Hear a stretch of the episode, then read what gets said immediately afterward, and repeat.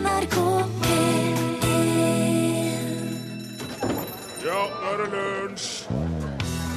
I dag fyller Odds ballklubb 122 år, Norges eldste eksisterende ballklubb. De heter jo i dag Odd Grenland og hører hjemme i Skien, men idrettsforeningen Odd er oppkalt etter den oldnorske idrettsmannen Orvar Odd fra Viktor Rydebergs roman Seierssverdet ND.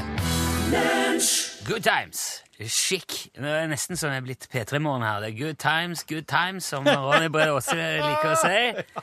Men her var det vel eh, Man kan vel kunne kalle det originalen av skikk. Good times. Dette er Lunsj, NRK P1. Mannen som lo, heter Torfinn Borchhus. Mannen som sa det første du hørte i dag, heter Rune Nilsson. Og skål for det. Altså, ikke første du hørte i dag, da. Det jo, dette her er jo Og hvis du akkurat våkna nå Ja, ja. ja. Men det Da nok- er du heldig. Ja, da, Da, er du, da har du et eh, bra liv. da har et godt sovehjerte, ellers har du vært på nattevakt. Du kan ikke Det vet man aldri. Da har du, da har du det på stell. Som Budeia sa. I hvilken sammenheng? Du vet aldri. Du kan aldri vite Eh, det. kaffe. For, ja, for alle tar det der på forskjellig vis. Alle har forskjellige forutsetninger for ting. Jeg har for eksempel alltid syntes det ser så fantastisk ut å kjøre trailer. Ja. Tungtransport. ja. Jeg tror kanskje det er fra helt tilbake til jeg så Smokey and the Bandit da jeg var guttunge. Ja. Snowman dundrer gjennom Texas med snutebilen sin der. Og så er han jo sånn uh, Hvis ikke jeg husker feil, så på sida av hele den vognen, den svære trailervognen der, så er det en sånn uh, western-scene med hester og, og diligence dil, Hvordan sier man? Diligens. Diligens. ja. Diligensen. Diligence. Ja, diligensen. Ok. Ja. Eh, ja, en voldsom sånn stilisert greier. Og det er ordentlig eh, Han tuter i det der hornet. Han er sånn snor i taket som han drar i. Ja, ja. Og så har han, snakker han i walkietalkien der og 10-4! Roger that! Break a 1-9, break a 1-9, this is snowman. Ja, det ser veldig kult ut. Du, har prøvd, du har prøvd å sitte her. Jeg fikk jo prøve å sitte her i en slik en eh, i sjokk. Ja, ja, jeg har- jeg har sittet inn. Jeg er ikke i fart, da. Han sto i ro. Ikke i fart, nei. Eh, men eh, nå om dagen, altså de som kjører lang og tung transport nå, de, jo, de kjører jo rundt i rene luksusleilighetene, i hvert fall noen av de. Ja. Der er det jo TV og minikjøkken og svær køye og behagelige seter, sikkert med massasjefunksjon og varmeanlegg og Ja, ja, ja. massive stereoanlegg og alt sånn. Og der, og der Det er jo ikke noe mindre besnærende, det. Nei. Sitte der liksom godt til rette og sluke mil etter mil. Ja. Se verden, møte spennende folk, rar, komme til rare steder. Stoppe på ei veikro der og slår av en prat med noen av de andre gutta og jentene på veien. Ah, det er de som holder hjulene i gang.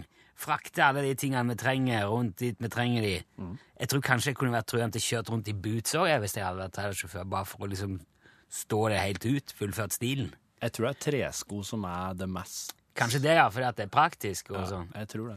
Jeg tror nok jeg, jeg hadde nok fort også blitt enda mer glad i countrymusikk enn jeg er nå, hvis jeg hadde kjørt uh, trailer. Men en ting, en ting er det De er veldig vanlige med, med tresko og langtransport. Men jeg tror ikke det er lov å kjøre med dem på. Jeg tror ikke det er lov å, Akkurat som det ikke er lov å kjøre bil med sandaler.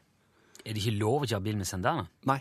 Det høres fornuftig ut, syns jeg, da. For at jeg tror kanskje langtransport, langtransportsjåførene bare kipper av seg treskoene når de kjører inn i hytta, og så spe, kjører de med sokker. Ja, så det er Eller alltid- bærføtt, kanskje. Det kan, være, det kan kanskje være. Dette vet jo dere som sitter og hører på.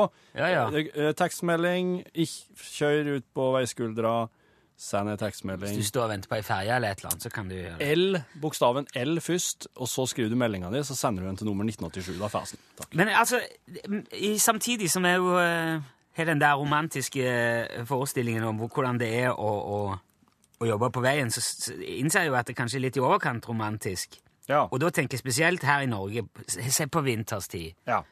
Når du står i snøføyken og på en fjellovergang og venter på at kolonnen skal gå, og klokka går òg, og så må man kanskje til og med ut i uvær og legge på kjetting, og Ja.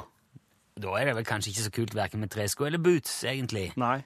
Og, og så kommer det utålmodige påsketurister med SUV-en sin og skiboks på tak og tute og blinke og skal kjøre forbi svingene fordi at de må Ja. komme til hytta og få slappet av fortest mulig, må stresse ned! Ja. ja.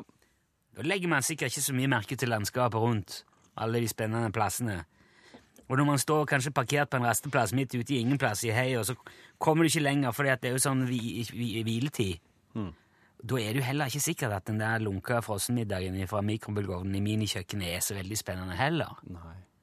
Innser jeg jo. Nei, Og så er jo jeg litt engstelig av natur, må jeg jo innrømme, så jeg vet ikke om det er helt forenlig det med mangfoldige tonn med stål på smale veier og kronglete Ja. overganger og bruer og svinger og Ja. ja. Jeg tror du må være litt sånn tøff, litt hard i hodet for å håndtere en sånn svær trailer eh, under alle mulige forhold, så jeg tror kanskje det blir med, med drømmen. Men jeg, jeg kan i hvert fall kippe hatten til de som gjør det. ja. Nå står det Fysio-Bjørnar har sendt eh, tekstmelding. De setter av seg treskoene i trappen opp til hytta. Og eh, det er òg en som skriver Skoa stendatt i stigtrinnet. Hardt, men fint yrke. En liten uh, på hatten til alle dere som eh, holder hjulene i gang. Ut på en all the highwaymen out there. Der var jo The Highwaymen med Highwayman. Og det er ikke lov med sko i vogntoget. Nei, jeg ser det. Nå kommer det mye god info uh, eh, her. Det, er, det er flere som sier hvorfor at det ikke er hvorfor, Sier meg hvorfor det ikke er lov å kjøre med sandaler. Nei, det er bare jeg som har hørt at det ikke er lov. Ja, det er jo litt sånn eh, Ikke så veldig etterrettelig, da. Det driter jeg i. Ok. Nei, for eh, jeg vet ikke jeg vet, Ja, vedkommende setter vel spørsmål til hvorvidt det er ulovlig, men eh, at det anbefales ikke, da. Jeg har hørt da at du må iallfall ha sånn feste over hæren for at det skal være godkjent å kjøre med på, på, på fottøyet. Bussjåfør skriver her det er ikke noe forbud mot verken tresko eller sandaler når man kjører, men det anbefales ikke. Det beste er flate såler, ikke høye hæler heller. Ja. Det bare anbefales, da. Ikke. Ja. Anbefales, eller kanskje det frabefales ganske intenst. Det frabefales. Ja. Eh, trailer er bare hengeren, skriver Kaptein Krog. Og kall det vogntog. Ok, da dekker du alt. Ja. Uansett om det er semi eller bil og Du kan kalle det trekkvogn. Da er du helt vill. Det er ikke Ja, ok, men det må jo være vognene, da. Altså, vognene er tilhengeren for oss som Eller er det vognene som er Det er selve bilen. Trekkvogna er vogna som trekker hele greia. Det har jeg hørt. Jo, men vo Det altså anbefales å si det. Ja, men eh, når det Ja. Det frabefales å Det- si Ja. Ja, sitte i vogna og dure av gårde. Altså, nå vi på veldig Jeg kjenner vi må ha en trail eller, eller en eh, vogntog spesial på et eller annet tidspunkt. Så må vi ha fagfolk i studio. Ja, ja. Nei, Vi kan gå over på å se om det er noe annet vi heller kan, da. Lunsj, radiogram 73, 88, 14, 80 Hei gutta. Thomas her. Hei, Thomas. Her blir det et lite innlegg eh, som handler om eh, landslaget for gutta. Som spilte mot Finland eh, veldig nylig. Fotball, da? Nå vant Norge riktignok 2-0 mot et veldig dårlig finsk lag. Men hallo, Hallo. det var så dårlig av Norge, selv om vi vant, at uh, bare tanken på at vi skal etter hvert uh, på høstparten møte Tyskland, eksempel, så er det Altså, det var rene komikveld. Det, det var veldig morsomt å se på, altså. Selv om Norge vant 2-0 over Finland. Men jeg tør påstå følgende til slutt her, at Norge kan bare glemme glemme å komme til et sluttspill i verdensmesterskapet. Så dårlig er vi. Ha en riktig god dag, alle sammen. Ja, dette er jo øh, nå, Dette er fotball. ja, det må det være. Ja. Eller ja. Et, ja, jeg tror det. Det kan være håndball òg, men et, eh, det kan være volleyball òg. Det, altså det, det, det som er tingen Dette her faller jo litt på steingrunn nå, Thomas. fordi at øh, Jeg tror ikke jeg ville vært i stand til å sagt om en fotballkamp var god eller dårlig. Eh, eh, I hvert fall ikke på sånn Jo, for Jeg, kunne, eh, jo, hvis det er, jeg skjønner jo hvis det er sånn Brasil-opplegg Ja. der Ja. de tar salt og header og, og skårer med på hælen og Ja, ja, ja. Altså, ja, ja, ok, det skjønner jeg jo. Men det er jo, det er jo som å kjenne igjen sirkus. Ja, ja. Men uh, å sette en fotballkamp der folk løp fram og tilbake i 90 minutter, og ballen kom inn i mål to ganger jeg så vet ikke om jeg ville vært i stand til å si at ja, den var dårlig, den var bra. Ja, men det du sier der, er, det, det, det du sier der, Rune, det er akkurat slik du kan kjenne at en eh, kan se en god og dårlig kamp i forhånd. Ja. For Hvis det oppleves som bare der folk springer att og fram og att og fram, og at på et, på et tidspunkt så blir det ett mål, og på et annet så blir det et annet mål, det er ikke en bra, det er ikke en underholdende kamp. Det skal være underholdning. Det er jo, så det du sier, der det er saltoer og hæl, og keeperen redder, og keeperen Ja, det- eh, det- begynner å gråte, og Det, oppleves, det, det opplever jeg som kommer det en naken mann inn på banen, Streaker, så kommer folkene inn med båra, og så er det straffekort straffekonk til slutt. så mister de uh, den som er skadd på Ja! Så går de tom for isspray. Jo, Det er jo sånne ting som er Det er jo da det er gøy med fotball. Ja, det er sant, det. Hei. Jeg lurer på om jeg har funnet på et nytt ord på norsk. Oi. Og det ordet er kolonvits. For eksempel mor, kolon. Per, ikke dra katten i halen. Per, kolon. Det er katten som drar. Det kaller jeg en kolonvits. Men uh, det er jo ikke sikkert det er nytt, da. Men jeg har ikke hørt det før. Hei. Hei. Uh, jeg har ikke kanskje Vet ikke om jeg har hørt uh, ordet kolonvits. Nei. Men begrepet er jo veldig kjent. Eller teknikken er veldig kjent. Ja. Både fra Donald Duck Ja. og ja. ja, veldig mange. Det er mye gode i Donald, altså. Men de er litt sånn Altså, de er litt de er, Jeg syns formen er litt Skal jeg si mekanisk, eller sånn upersonlig og Ja. kald. Ja. Per. Hva skjer her, da? Nei, du kan ikke finne på Mor. Nei, jeg måtte jo ha, skulle jo hatt en vits, men jeg husker ikke noe nå. Nei, ehm, jeg liker bedre hvis man tar historien og sier ja, Per kom inn i stua, og så slik, ja. sier han til mor Ja, jeg, jeg må si det, altså. Hallo gutter i lunsj, det er Øystein her. Hallo! Postmannen hjemme i Vinje, han er en artig skrue. Og han hadde en, en sak han lurte litt på her om dagen. Så tenkte jeg skulle høre om dere kunne høre litt om det. det han sier jo, selv om telefonen har forandret seg siden begrepet sikkert oppsto en gang på, på 40- og 50-tallet, at man står i telefonen. Um, og ja, jeg lurer på hvordan det er mulig. jeg. En liten glasstelefon, smarttelefon. Det er ikke slett å stå i den. Nei, det er nok sikkert fra eh, den tida hvor telefonen var, var som man gikk inn i. Ja.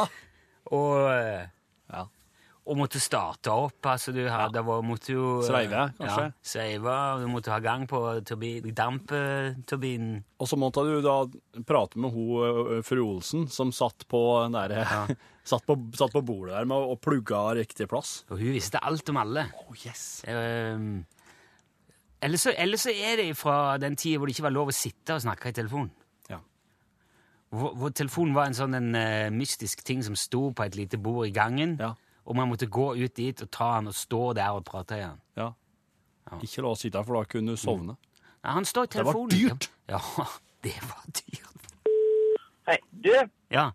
en liten vits. Har du hørt om de to sosiale kalender? De fikk seks måneder hver. Og Lunsj, radiogram 73, 88, 14, 80 Visste du at Ernest Hemingway en gang måtte leve i flere dager på bare mat og vann? Visste du det? Nei, Flere dager. Bare mat og vann. det må være hardt for Hemingway. Ja, det var jo litt av en type, det. Ja. Født i Illinois 1899. Ja.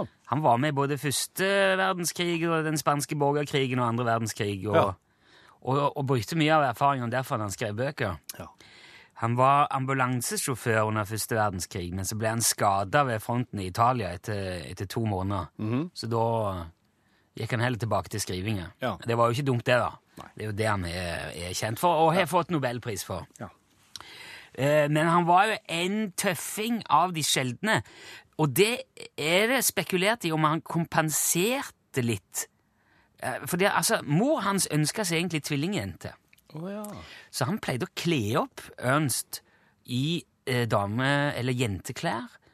Og, og gredde han og stelte han sånn at han ligna på storesøstera si så mye som mulig. Og så paraderte han, eh, han rundt da som Eller paraderte de rundt som tvillingjente. Ja Og det, ja, og det er flere som mener ja, det var nok der han skulle nok ta igjen en del Ja. for den eh, greia der. Akkurat. Og, og det gjorde han blant annet ved å Han drev jo sin egen nazijegervirksomhet under andre verdenskrig. Ja. Altså, han, han bodde lenge eh, i Key West i Florida, og Ja. der likte han likte, var veldig glad i å fiske. Fiske sånn marlin, det blir vel eh, Er det sverdfisk? Eller spydfisk? Sånn, Ja, det tror jeg. Ja, marlin, den svære, veldig kjappe fisken i hvert fall. Han eh, hadde han tror han, I 38 var det vel, så satte han verdensrekord med å fange sju på en dag. Oi. Og når han var ute og fiska, så hadde han alltid med seg maskingevær, sånn at han kunne skyte hai Ja. som gikk etter fisken. Ja, etter fangsten ja, akkurat. Men så, i, uh, rett før krigen, så flytta han til Cuba. Ja. Og uh, i 42, mellom 42 og 43, eller 42 og 43 heter det, da utstyrte han båten sin med navigasjon og sporingsutstyr og greier, og så patruljerte han nordkysten eh, på, av Cuba eh, på jakt etter tyske ubåter. Da hadde han med seg maskingevær og håndgranater og var ute på privat ubåtjakt. M- eh, Maskingevær og håndgranat mot ubåt? Ja, ja, ja. Var mye ute og lette etter ubåter på den tida. Han var jo òg krigskorrespondent under krigen. Ja. Og da utga han seg blant annet på et tidspunkt for å være oberst, og prøvde å, å få lede en fransk tropp i et angrep mot nazister, men han ble jo avslørt der, da. Han, tok av seg, han, han kledde seg ut, altså tok av seg den der eh, uniformen og, og Ja. merkene som viste at han var egentlig journalist eller korrespondent. Ja. Nei da, jeg er oberst, sa han. Kom igjen, let's go. Nå tar vi de. um, men i fredstid så brukte han jo veldig mye tid på å skrive og drikke. Ja. Han var veldig drikkfeldig. Gikk gjerne på favorittbaren sin Sloppy Joes. Det var i, på tida i, i Key West. Da den baren skulle flytte til nye lokaler, så gikk Hemingway bare rett inn mens de drev og pakte ned og, og tok ned ting. Inventar og sånn. Gikk han rett inn, inn på toalettet, flerra urinalen av veggen og tok han under armen. Det var en ganske pen urinal. Det var en sånn uh, mosaikk eller noe Jaha. steinsak, tror jeg Ja. Etter hva jeg har forstått. Han fikk den flere av veggen, tok han med seg under armen og gikk ut, og så sier han jeg har pissa så mye penger ned i den her at den er min.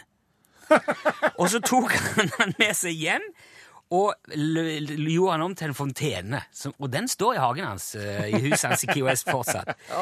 Han var òg svirebror med forfatterkollegaen uh, James Joyce. Ja. Irske James Joyce. Ja, ja. De var i uh, Paris og herja rundt i en periode, og da eh, sies det at Joyce var veldig glad i å starte slåsskamper. Bare for å rope 'Ernst, kom on opp i dette her!' Beat the shit out of these guys!' Ja. liksom. Ja. Og broren av Ernest Hemingway han var også ei skrue. Han grunnla sin egen stat på ei flåte utenfor kysten av Jamaica. New Atlantis. Det var, det var, den besto av en flåte som var 2,4 ganger 9,1 meter, laga av bambus og stål, og hadde sju borgere. Eh, de hadde egen valuta og poststempel og en egen grunnlov. Han var ankra til sjøbunnen med en gammel Ford motorblokk og en kjetting. Men hele staten gikk med i en tropisk storm etter bare to år, da. Ernest var jo òg en av de få som fikk muligheten til å lese sin egen nekrolog. Han og kona var i et flykrasj i Afrika i 1954. Det sies òg at der det begynte å gå gale mens de var i lufta, Ja. og piloten hadde valget mellom å, å krasje i ei, ei krokodillegrop eller Ja. på ei sånn elefantslette. Ja. det var det eneste muligheten. Krokodil... Elefantslette, da. Ja, det ble elefantslette. Og der, men der ble Ernst ganske hardt skadd. Fikk hjernerystelse blant annet, og, og kona knakk flere ribbein. Ja. Så det var ganske Det var ikke noe fint, eh, det der. Men de overlevde. Ja. Men ryktet gikk ut da Ja. om at de hadde omkommet, ja. begge to. Så klart. Eh, og de måtte overnatte i flyet der. Men klarte etter hvert å få hjelp. Men når de fikk hjelp med et annet fly dagen etterpå, da hadde jo allerede nekrologene gått i trykken. Sier du det, ja? Så det fikk jo han lese når han kom tilbake. Eller om det var da eller dagen etterpå. Ja. Men det var jo ikke nok med det heller. For da, da de ble henta, eller kom seg om bord i det flyet som skulle redde dem, og det skulle til å ta av, så eksploderer det. Så han krasjer, to, han krasjet med fly to ganger eh, dagen etter hverandre. Han var to, to flykrasj på to dager. Og da ble han enda mer skadd. Han ble, Ja, ja. fikk ganske store brannskader og ny hjernerystelse og i det hele tatt. Og det var visst begynnelsen på slutten for Hemingway. Okay. For da ble han deprimert, han ble enda mer alkoholisert, han var paranoid, han var sikker på FBI og etter han. Han hadde også en bipolar lidelse som han fikk eh, behandling med elektrosjokk for. Eh, men etter hvert så ble det vanskelig for han å skrive og fungere i det hele tatt. Han, eh, han kjøpte etter hvert eh, et hus i, i fødestaten Illinois. Ja. Uh, og det var der òg han endte opp med å ta sitt eget liv, med favoritthagla si Ja. i eh, 1961.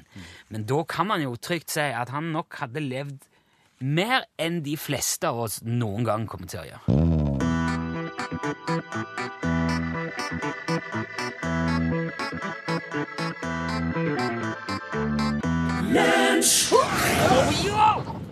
Og skal en tur på den eh, spesielle kafeen. Å nei. Yes. Som du sikkert husker, så hadde jo Klæberstein og Pimpstein slutta, og så ble de erstatta av Fjonbjørg og Rigmor Mortis. Servitørene, ja. Ja, ja. Dette her, Vi har vært her to ganger før i denne kafeen? Det er jo uh... I helga så starta Fjonbjørg og Rigmor Mortis opp sin egen kafé rett ved sida av, og de gjør det skikkelig skarpt. Derfor så har eierne nå gjort om den spesielle kafeen til bryggeripub, og ansatt en gjeng munker for å ta seg av det kommersielle. Det var både genialt og idiotisk. Jaha. Allerede har bryggeripubens tre heimbrygga øl fått et internasjonalt rykte for smak og kvalitet, og noen mener at dømmers øl nummer 12, som heter nummer 12, med gul kork, er den beste ølen i verden. Hvem er dette sitt øl? Altså Rigmor deres? Nei, Rigmor Mortis og Fjonbjørg de driver kafeen ved sida av. Ja, ja, så Dette nå- her er bryggeripuben. Ok, nå er vi på, ja, som er her nå, ja. Nei, altså, den bryggeripuben ligger ved sida av. Nå sitter vi på kafeen til Fjonbjørg og Rigmor Ja. Mortis. Ok, jeg bare vil ha klarhet i hva det er vi holder på Ja. Tingen er det, Sjørun. Dette her, altså, dette her er jo, dette her er jo et, et langt spørsmål, egentlig. For at Ja vel. det problemet er at i nabobryggeripuben her så brygges det ikke etter normale forretningsmessige krav. Det er jo tross alt munker som driver bryggeripuben. De, og de selger bare i små mengder ukentlig fra døra på sjølve bryggeripuben til individuelle kjøpere ved forhåndsbestilling. Og munkene har gjentatte ganger sagt at de brygger bare nok øl til å drive bryggeripuben, og vil ikke lage mer øl enn de trenger å selge, uavhengig av etterspørselen. Som fader Abbott sa på åpningsdagen, oss er ikke bryggere, oss er munker. Oss brygger øl for å kunne ha råd til å være munker. Og dette her er så klart problematisk for eierne, som vil ha overskudd og profitt. Og bryggeriets tre øl, det er den med grønn kork, den er en blond, det er den med blå kork, det er nummer åtte, og så er det den med gul kork, som er nummer tolv.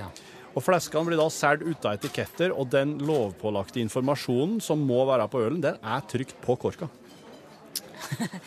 det, ja, ok. Til å begynne med Det er en liten skrift, da. Ja, det er det.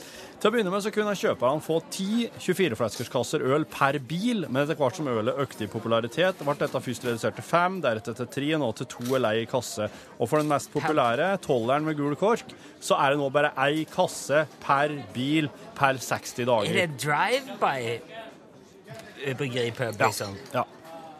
Du, ja, du må det. Du, må, du kan ikke inn der og sette deg og drikke det. Det er munker som De, har de Jo, jo, er mer som et kloster inni her, vil jeg si. Ah, ok. Eh, når du en bestilling nå, så får du oppgitt hva slags typer og mengder øl som er tilgjengelig på forhånd, og salget er begrensa til én bestilling hver 60. dag per person per nummerskilt på bil og telefonnummer. Og dessuten må ølet i tillegg reserveres på deres ølofon på forhånd. Men hvis du, hvis du har flere biler og flere telefoner, så kan du bestille mer. Men du må kjøre i Ja. Da må du kjøre flere forskjellige biler dit. Ja, okay. og få ja, bruke forskjellige telefoner. Ja, ja sant. Eh, Munkene selger ikke øl til personer som bare kjører opp til bryggeripuben i håp om å kjøpe øl. Og Grunnen til dette er for å eliminere kommersielle videresalg, og dermed gi alle besøkende en sjanse til å kjøpe produktet. da. Og Foreløpig er ølet prisa til 301 for blond, 349 for åtteren, 396 for tolveren per eh, eh, Per kasse? Nei, per flaske. Per flaske? Og det går mye av det? Ja, nei, per kasse, ja. Per 24-flaskers Per- kasse. ja, ok. Eh, og så er det Ja, depositum for tomme flasker og kasser. og Spesiallaga glass kan du kjøpe. Så, men spørsmålet er hva må eierne gjøre for å få mer fortjenest ut av den nye bryggeripuben sin? For det er jo et, det er jo et ekstremt ettertrakta øl, dette her. Men munkene er jo ikke De er jo katolske munker, de. De, ja. Jeg trodde ja, ja, ja, jo ka- ka- katolske Vatikanet er nå i hvert fall gira på penger. De er jo det. Jo altså, du, du sa de, vil, de brygger ikke mer øl enn de trenger for å være munker. Nei. Men hvis de brygger mer, eh, mer øl, kan de være enda mer munker da, kanskje? Enda munk, mer munkete? Nei. Kan ikke det? Det er bare én grad av Munch? Det er bare én grad, ja. De kan, men hvis de eh, lager masse øl eh, på en gang, så kan de jo ta seg en, en, en skikkelig eh, god bønnesession mye lenger. De Kan be lenger i, i, av gangen. Å ja, du foreslår en slik løsning, ja. Intensivere det. Intensiv brygging og så intensiv munking. summen blir vel den samme på et år uansett. Nei, det er, det er jo ikke lett. Det er jo det klassiske dilemmaet der eh, idealismen møter kapitalismen, Ja. Og de skal prøve å komme veien, så begge skal, begge skal få noe ut av det. Ja. Jeg må jo si at jeg syns det er helt flott her, at munkene Jeg liker den der. ja. Jeg liker den tanken på at man skal ikke ha mer enn man trenger. Nei, da, da kunne vi dessverre ikke hjelpe eierne denne gangen her, men uh, det, det, går nå, det går nå egentlig bra for begge. Eh, Her Fjonbjørg og Rigmor. Mortis, Mortis. dem gjør det jo. Skarpt. Et radioprogram. To mann. Torfinn Borchhus er her. Her er Rune Nilsson. Ett mål. Vi skal bli årets radionavn en gang for alle. Kult! Og utallige problemer. Unnskyld, nå fikk, jeg fikk ikke med meg det siste du sa. Jeg ble litt forstyrra. Ja, jeg hisser meg ikke opp. Ja, jeg vil nå si at du er ganske hissig. Jeg er helt rolig. Ikke skrik, er du snill, Ståle. Ikke. Men det er så radiofaglig svakt! Hallo, Ståle? Jeg kjørte på noe her. Se dukkefilmserien om radioprogrammet Lunsj i NRKs nett-TV hvor du vil, når du vil. Lunsj. Nå også som dukker. Rune bare kjefter på meg. Jeg lurer på om det er noe framtid i det hele tatt, egentlig. Skal vi Ok, skal jeg bare Hver eneste tekst i verden kan bli en låt av Bjørn Eidsvåg. Ja da. Ja, ja, ja. Oh yes. Ok, vi er der, vet du. Så fikk jeg, en tekstmelding her der det står Hei, gutter! I gamle dager så sang dere alt mulig rart på en Bjørn Eidsvåg-melodi. Ja. Er det noe som dukker opp igjen? Med vennlig hilsen Svein. Plutselig gjorde de jo det. Plutselig gjorde det. Eh, det var jo en landslagskamp i fotball her på tirsdagen. Eh, mot Finland. Da vant Norge 2-0. Men eh, det har vært veldig mye kjefting og skriverier i avisene i etterkant. Så kaptein eh, Per Siljan Skjelbred Ja. han, eh, han, eh, han gikk rett i strupen, som de sier. Han, han tok til motmæle Ja. mot eh, avisene. Forsvar guttene. Forsvara sine kolleger på landslaget. Og det Per Siljan sa da, det kan bli et låt av Bjørn Eidsvåg. Ok, så dette her er nå Altså, alt kan jo bli en låt av Bjørn Eidsvåg. Spørsmålet om det tilfører noe. Ja, sant. Ja. Eh, Du har nå sitatene foran deg, Rune Ja. Nilsson. Ja. Man har jo fått inntrykk altså Det er jo noen som har sagt at de er litt sutrete. Ja. Kanskje i, i en sånn Bjørn Eidsvåg-setting Ja. framstår det mer uh, hva skal jeg si, menneskelig, og Ja, kanskje selve budskapet kommer fram. Han er jo en formidler av rang, Ja. Bjørn. Så vi skal prøve, da. Dette her er tiraden. Må ha på litt klang. Og... Ja, ja, skal ja, Topp. Den er litt kort, den her, da. For jeg, ja, men det går fint. Vær så god. Ok. En får inntrykk av at vi er luksusgutter som kjører økonomiklasse og har seks seter foran oss sjøl og spiser treretters middag. Ikke glem at vi kommer fra gata med òg. Vi kommer fra vanlige hjem og er vanlige gutter. Er ikke luksus som ikke kler oss. Det er om vi sitter på hotellet og spiller bondebridge og flirer med litt av oss sjøl. Det er ikke slik vi føler oss at vi blir fremstilt i avisa. Tror ikke vi har kommentert det så mye, heller vi er profesjonelle. Får med oss ting folk tror på det som står i avisa. Det var ikke som vi hadde håpa og sett for oss. Nå går det ned, nå går det må det vel snart gå opp òg. Vi må få opp mange hakk for å hamle opp med Tyskland, det vet vi. Og vi vet hva vi skal kan og gjøre noe med.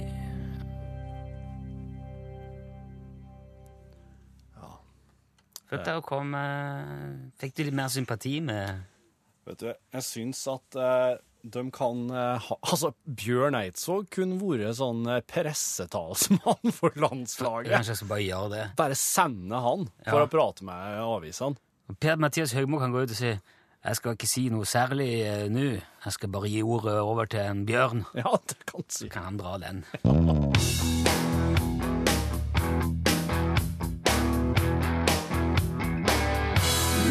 Og så har fått ei tekstmelding fra Skorve der det står Broeri de Sint Sixtus Abidj van Westleteren. Dere har inspirasjon fra? Smilemunn. Takk for et fantastisk program. Ja, Skorve. Tusen takk for tekstmelding. Og ja, alt det som ble sagt om eh, det merkelige, den mystiske, merkelige kafeen i stad, det er sant.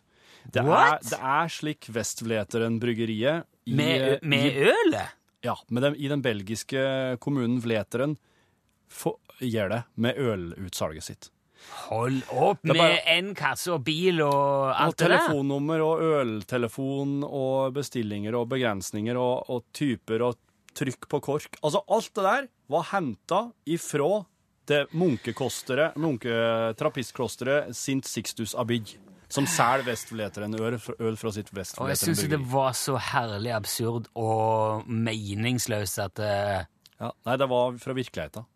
Det var det, det, saksa det ser ifra jeg virkeligheten. igjen. Ja. At virkeligheten overgår fantasien. Ja. Det blir jo aldri ferdig med det der. Nei. Det er òg altså, Vi som var inne på med det der med sandalene og kjøre bil og sånn. Ja. Mm. Uh, uh, Ole Tom skriver at han jobba for noen år eh, tilbake som helikopterinstruktør i Phoenix i Arizona. Enn det, da. Ja.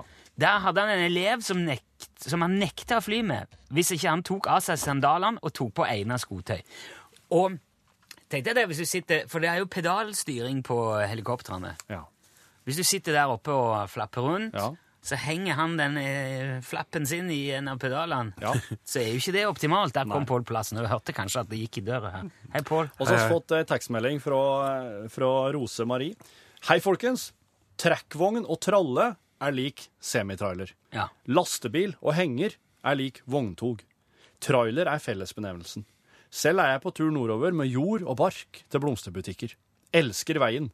Ny utsikt fra kontoret hele tiden. Ja. Norge er et vakkert land. Hilser til alle kolleger. Kjør vakkert. Hilsen Rosemarie. Og jeg blir så glad når folk elsker jobben sin, når de virkelig er der de, der de skal være i livet. Jo, for jeg, jeg snakket om det i starten, at jeg alltid har hatt en sånn romantisk drøm om det.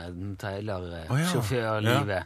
Har du drømt om å bli tungtransportsjåfør noen gang, Pål? Nei, men eh, hver dag eh, på sommeren, da, særlig når jeg tar turen eh, med bussen opp til jobben og kjører forbi en park der det sitter noen og klipper gresset på en sånn liten traktor, vet du. Ja, ja. Da, da tenker jeg bare sånn Å, fy søren, virka som en utrolig fin jobb. Det er selvfølgelig ikke like fint når det regner, da, men det er bare så konkret, og folk blir glad av at det er pent i parken, og ja. Syns jeg virka som en fin jobb. Ja, ja, ja. Ja, nok Nok koseprat. Er vi der? Ja, det er idiotkunnskap, ja. Ah, Det er mye Det er tryggere grunn egentlig enn jentekveld. Hvor mange mennesker var det på jorden da Jesus ble født? Ja, Rune, jeg det var jo jo mange hundre, vet du. Jeg tenker jo at eh, Man må jo selvfølgelig tenke at eh, det var jo mennesker overalt, på alle kontinenter. De bare- hadde bare ikke funnet hverandre ennå. Eh, Så kan det ha vært for eksempel en For 2000 år siden. Ja, Et, et, 40 millioner, da. nei, nei, nei. nei, Det har vært, vært noen hundre millioner, i hvert fall. Ok. Kanskje til og med Ikke milliard, kanskje til og med en milliard. 300 millioner 300 mennesker, millioner. eh, sier de cirka her, da. Ja, ja, ja, ja. en milliard kanskje. Men det sier litt om hvor fort det går. Ja. Lego er velkjente leker for de fleste. Men hva står navnet Lego for? Neimen, så er det dansk. Yeah. Og så heter det lei. Ja, altså, riktig. Lek Det- godt. Det er helt riktig. Hvor lenge kan en baby som er to måneder gammel og ammer, gå uten å bæsje? Åh, det har jeg hørt mye. Kjære vene! Kan, jeg få, kan jeg få innvende her at en baby på to måneder som ammer kan ikke gå? Nei, han kan ikke. Nei. Men Så det er vel hele hvor lenge klarer han å helle seg? Nei, jeg vil fort tro eh, seks dager, jeg. Opptil ti dager, står det her. Ja. Hva i OK. Siste. Men da blir det bleie òg, for å si det sånn. Men altså helt uten både tiss og bæsj? Eh, begge- Nei, ut, nei, ut av å pisse, det kan jeg ikke være. Men ut av bæsj, iallfall. Hvor, siste spørsmål. Hvor lenge var Armstrong og Aldrin ute på månen under månelandinga 20.07.1969? Det var lenger enn jeg trodde, egentlig. Var det ikke prat med et par timer, da? Ja, faktisk litt over det òg. Ja. To og en halv. Cirka to og en halv time. ja men det var ikke så verst eh, gjetta, det? Eller, eller var bra gjetta. Eller huska? Syns du gjetta bra i dag? eh? Jeg- Tusen takk. Jeg har hilst på Buzz Aldrin. Hei, hei, sa jeg. Nei, har du det? Ja, så nikket han. Jeg torde ikke ta selfie eller noe mer. Nei, nei, nei. Nei, men det var vel i de tidene månelandinga skjedde, var det ikke det? Nei, det var Dere hils på han her, kameraten her. Nå holder dere opp et bilde Ja. av et eh, slags vesen, et dyr, Oi. som visstnok eh, beviser at enhjørningen fantes. Ja. Oi, Nei, sånn. det, er vel, eh, det der er jo en moskus med neshorn. Ja, det ser litt sånn ut, men uh, i dag skal vi svært fall høre om det. Der sa han et sant ord. Hør flere podkaster på nrk.no podkast.